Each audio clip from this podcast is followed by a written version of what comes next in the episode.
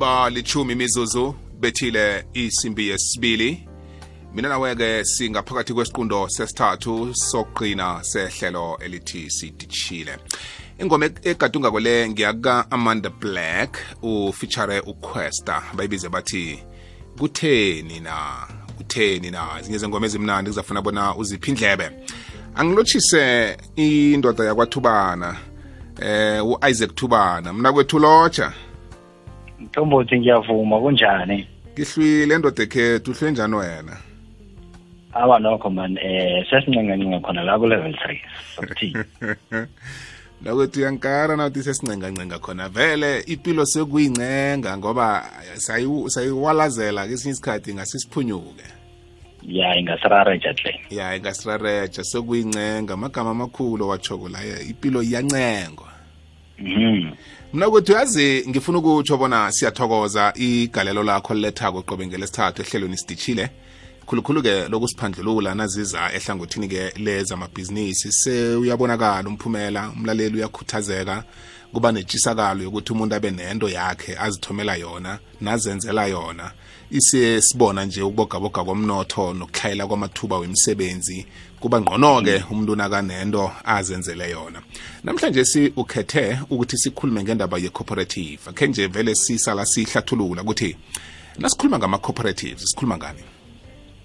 Ngithokoza kamnandi-ke mthombothi ngithokoza ne-feedback e-positive mhlambe-ke ebuya kuwe nakumlaleli lapha ekhaya nami ngiyathokoza nangengiphosela indlela efanele kwesivivaneni aha angithome-ke ngokuhlathulula abanyana i-cooperative khuyini ngombana-ke um ngiwatholile ama-email ambalwa nokho abuza ngayo yona le ndaba ye-cooperative ngithoma la i-cooperative mthombothi eh i-company it's a legal entity i-company erejistiweko efana mhlawumbe-ke nepithiwa ye-ltd kodwana le ishiwe ngembandela yayo yokuyibusa namtshana yokuyigavena.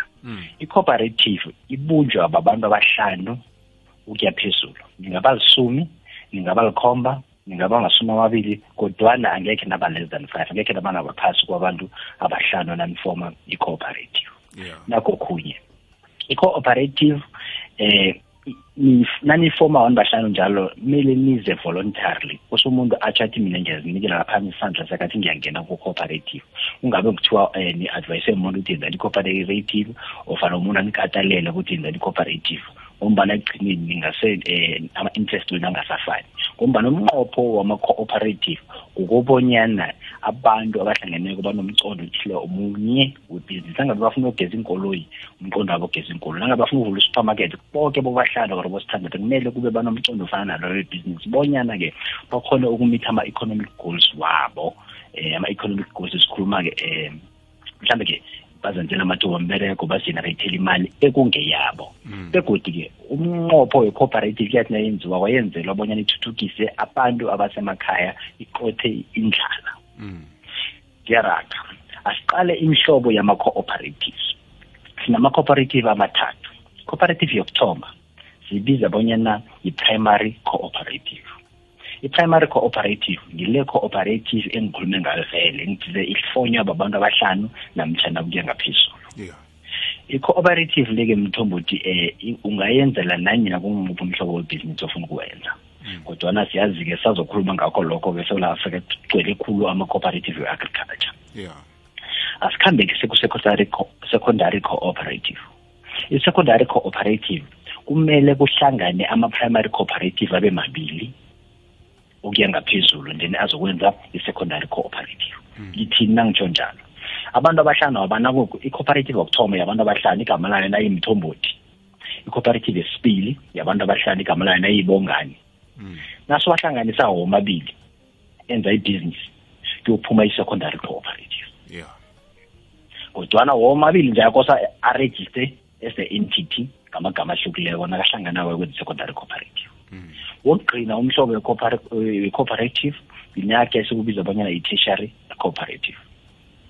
I-tertiary cooperative kulapho kumele kuhlangane khona ama-secondary cooperative amabili namtshana ukuya phezulu noma ngaba mathathu ayokwenza ini i-tertiary cooperative. Ngiyathemba iya- iyamhlalela umlaleli lapha khona kongalesi sikhathi lesi. Ngivumela-ke mthombothi ngikuqalele eh imkhakha bonyana ama-cooperative umuntu angawenza kuphi nakuphi. Siyazi-ke soke abanyana eSouth Africa kudume khulu ama-cooperative agriculture. Ayikho into e-wrong nge-cooperative agriculture yibo ngombana eh abantu bemakhaya vele into bayazi khulu yi-agriculture kodwana-ke ngizama ukuveza omunye umkhakha mhlambe-ke ungawenza ku-cooperative. Kunanasi i-cooperative sibiza abanyana ama-consumer cooperatives. Ama-consumer cooperative kulapho-ke eh ama-cooperative ahlangana khona ayokuthenga mhlambe in bulks. Ukuthenga ngestock athenga into eziningi enzelele bonyana akhona ukunegotiate i-discount ephasi. Yeke-ke lokho kuyobahelebha ngani ukuthi nase bafika emphakathini nasele bathengisela ama-customers wabo bakhona ukubiza intengo zabo zibe ngaphasi. Ngiyazwakala ama-consumer cooperative. Omunye umuntu wakhe wangibuza nangikhuluma ngama-consumer cooperative wathi kimi um nakwethu utsho ukuthi eh abantu aba-operate intolo aba abokufika esibabona eh emphakathini yethu baberegisa indlela leyo nangathi uye indlela abasipitha ngayo. Abantu abababombene emthombothi eh baba ma-co-op anjalo bahlanganisa imali beyinye bakhambe bokuthenga in bulk stock esiningi samamiliyoni and then abafika lapho bakhona ukunegotiatela i-discount ebonakalako then nababuya la-ke bakhona-ke ukuthi baphalisane neentolo ezikulu lezi esithenga kizo ukudla. Ngama-prices. Ya uyangivumela-ke mthombothi kodwa ngikuhlathulele kodwa bonyana nange abantu mhlambe bathileko um bahlangene sithi bane-skill se-i t. bangakhona ukuthi bavule i-cooperative yabo barage ku-i t. Abomama abathengisa ama-vegetables lapha ekhaya bangakhona ukuthi bahlanganise eh imali abo barejiste cooperative bakhambe bokuthenga eh in bulks nabo nababuya lana bahlukanise isitoko sabo bakhambe bokuthengisa endaweni ezihlukeneko. Eh njenge bathengisela ama-individual kodwana nabakustoka bakhambe bokustoka esama-cooperative. Lokho kuyobanikela i-advantage yokubonyana bakhona ukunegotiate namtshana-ke ubawa isaphulelo namtshana i-discount ebonakalako so that bakhona nabo ukuthi bachiphisele eh, ama-customers wabo. Yeah yeah. Ya angikuqalele-ke bonyana i-cooperative lemthombothi eh ifonywa njani exactly? Aha. I-cooperative babomthombothi kokuthoma kumele volunteer abantu zokubana sengitshile baphakamisa izandla bathi thina eh sifuna ukuba yi-cooperative. Kwesibili kube ne-meeting. Siyibiza ukuthi i-formation meeting. Kuleyo meeting leyo eh kose kube nama-minutes azokubhalwa. Yilo muntu ozoba i-chairperson we-meeting umuntu loyo zoba bahlathululela bonyana i-meeting zobe khulunywa lokho ahlathulula bonyana oh, i- i- i- imnqopho ye-cooperative kile sifuna ukuyenza yini iyokwenza ini into ezifana nalezo. Okhunye kumele i-cooperative ibe ne-constitution. Constitution ngiyo ezokuhlathulula bonyana i-cooperative i-chairperson akhona ngibani bobona abathatha inkundu siyimanage njani i-cooperative yethu bobona abakhipha imali ebhanka. Zonke into ezifana nalezo Ngap- ngaphambi bonyana ungayirejista nge-cooperative mthombothi kumele ube nazo zonke lezi zinto esengikhulume ngehla. Angikuqaleleke bonyana-ke uyirejista kuphi i-cooperative. I-cooperative uyirejista ku-c i p c.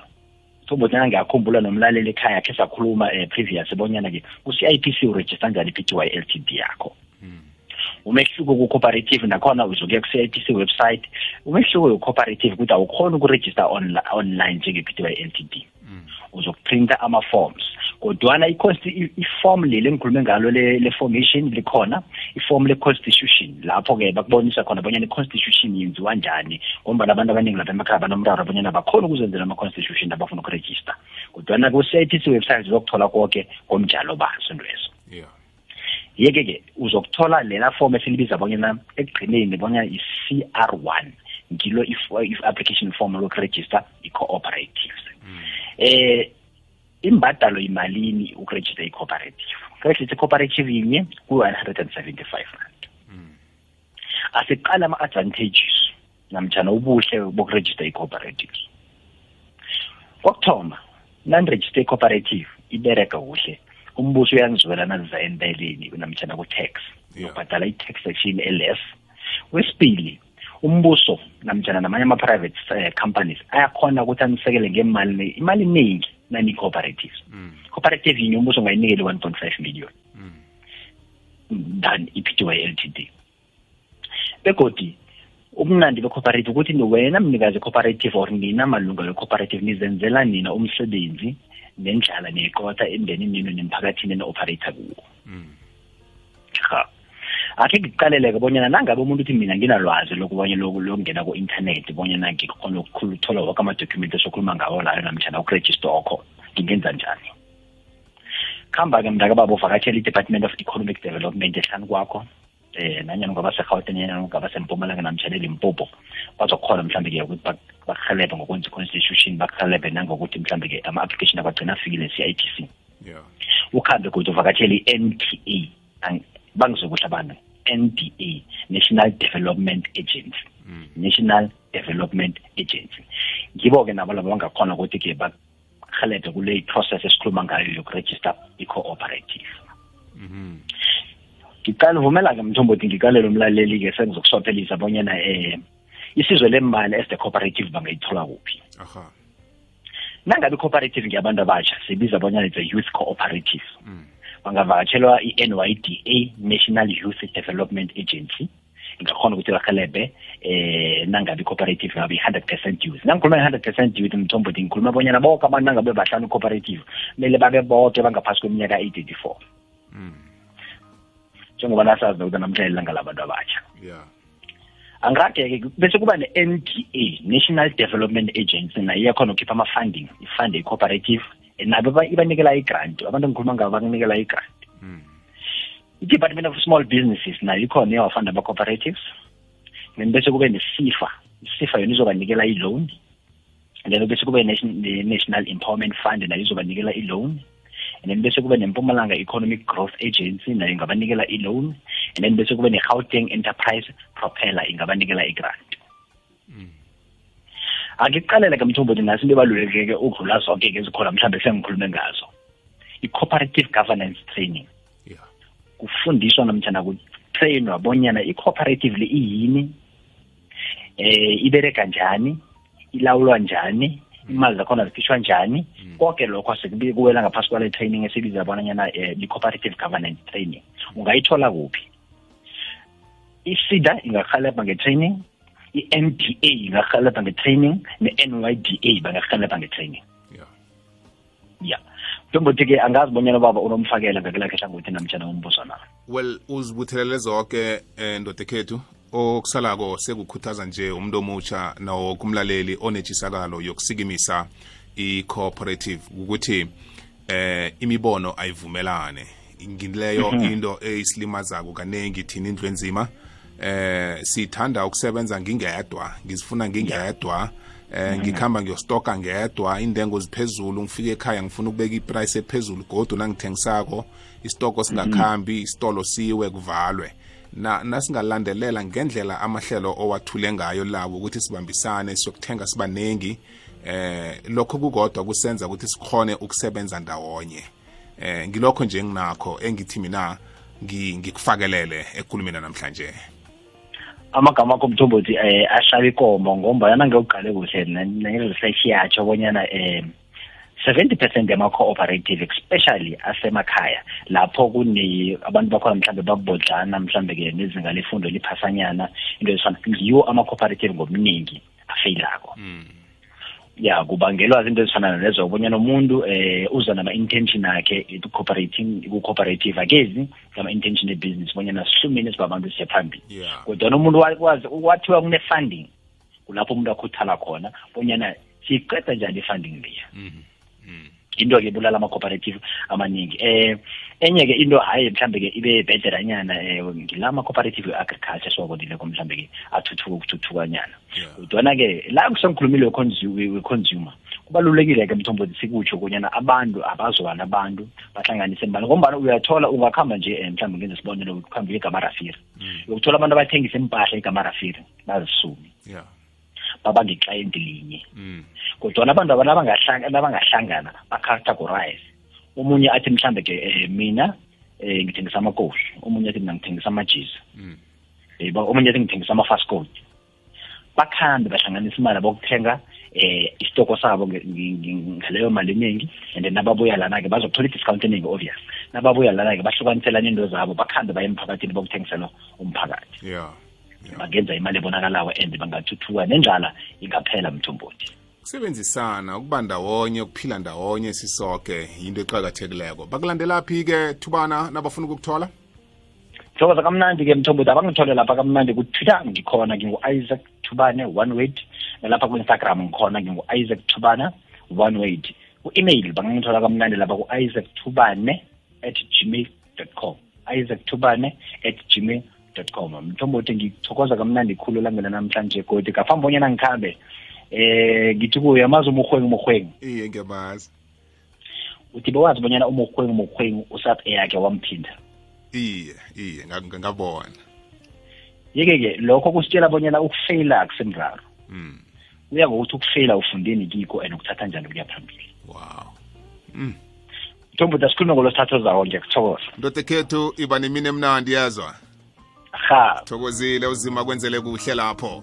Ku-isaac tubana uza kulandela ama-podcast ku-www ikwekwezi fm co za sidishile landela ikwekwezi fm enkundleni zokuthindana silandela kutwitter uthi at ikwekwezi underscore fm silandela ku-instagram uthi at ikwekwezi fm thanda ikhasi lethu ngolike kufacebook elitlolwe ikwekwezi fm kukhanya ba.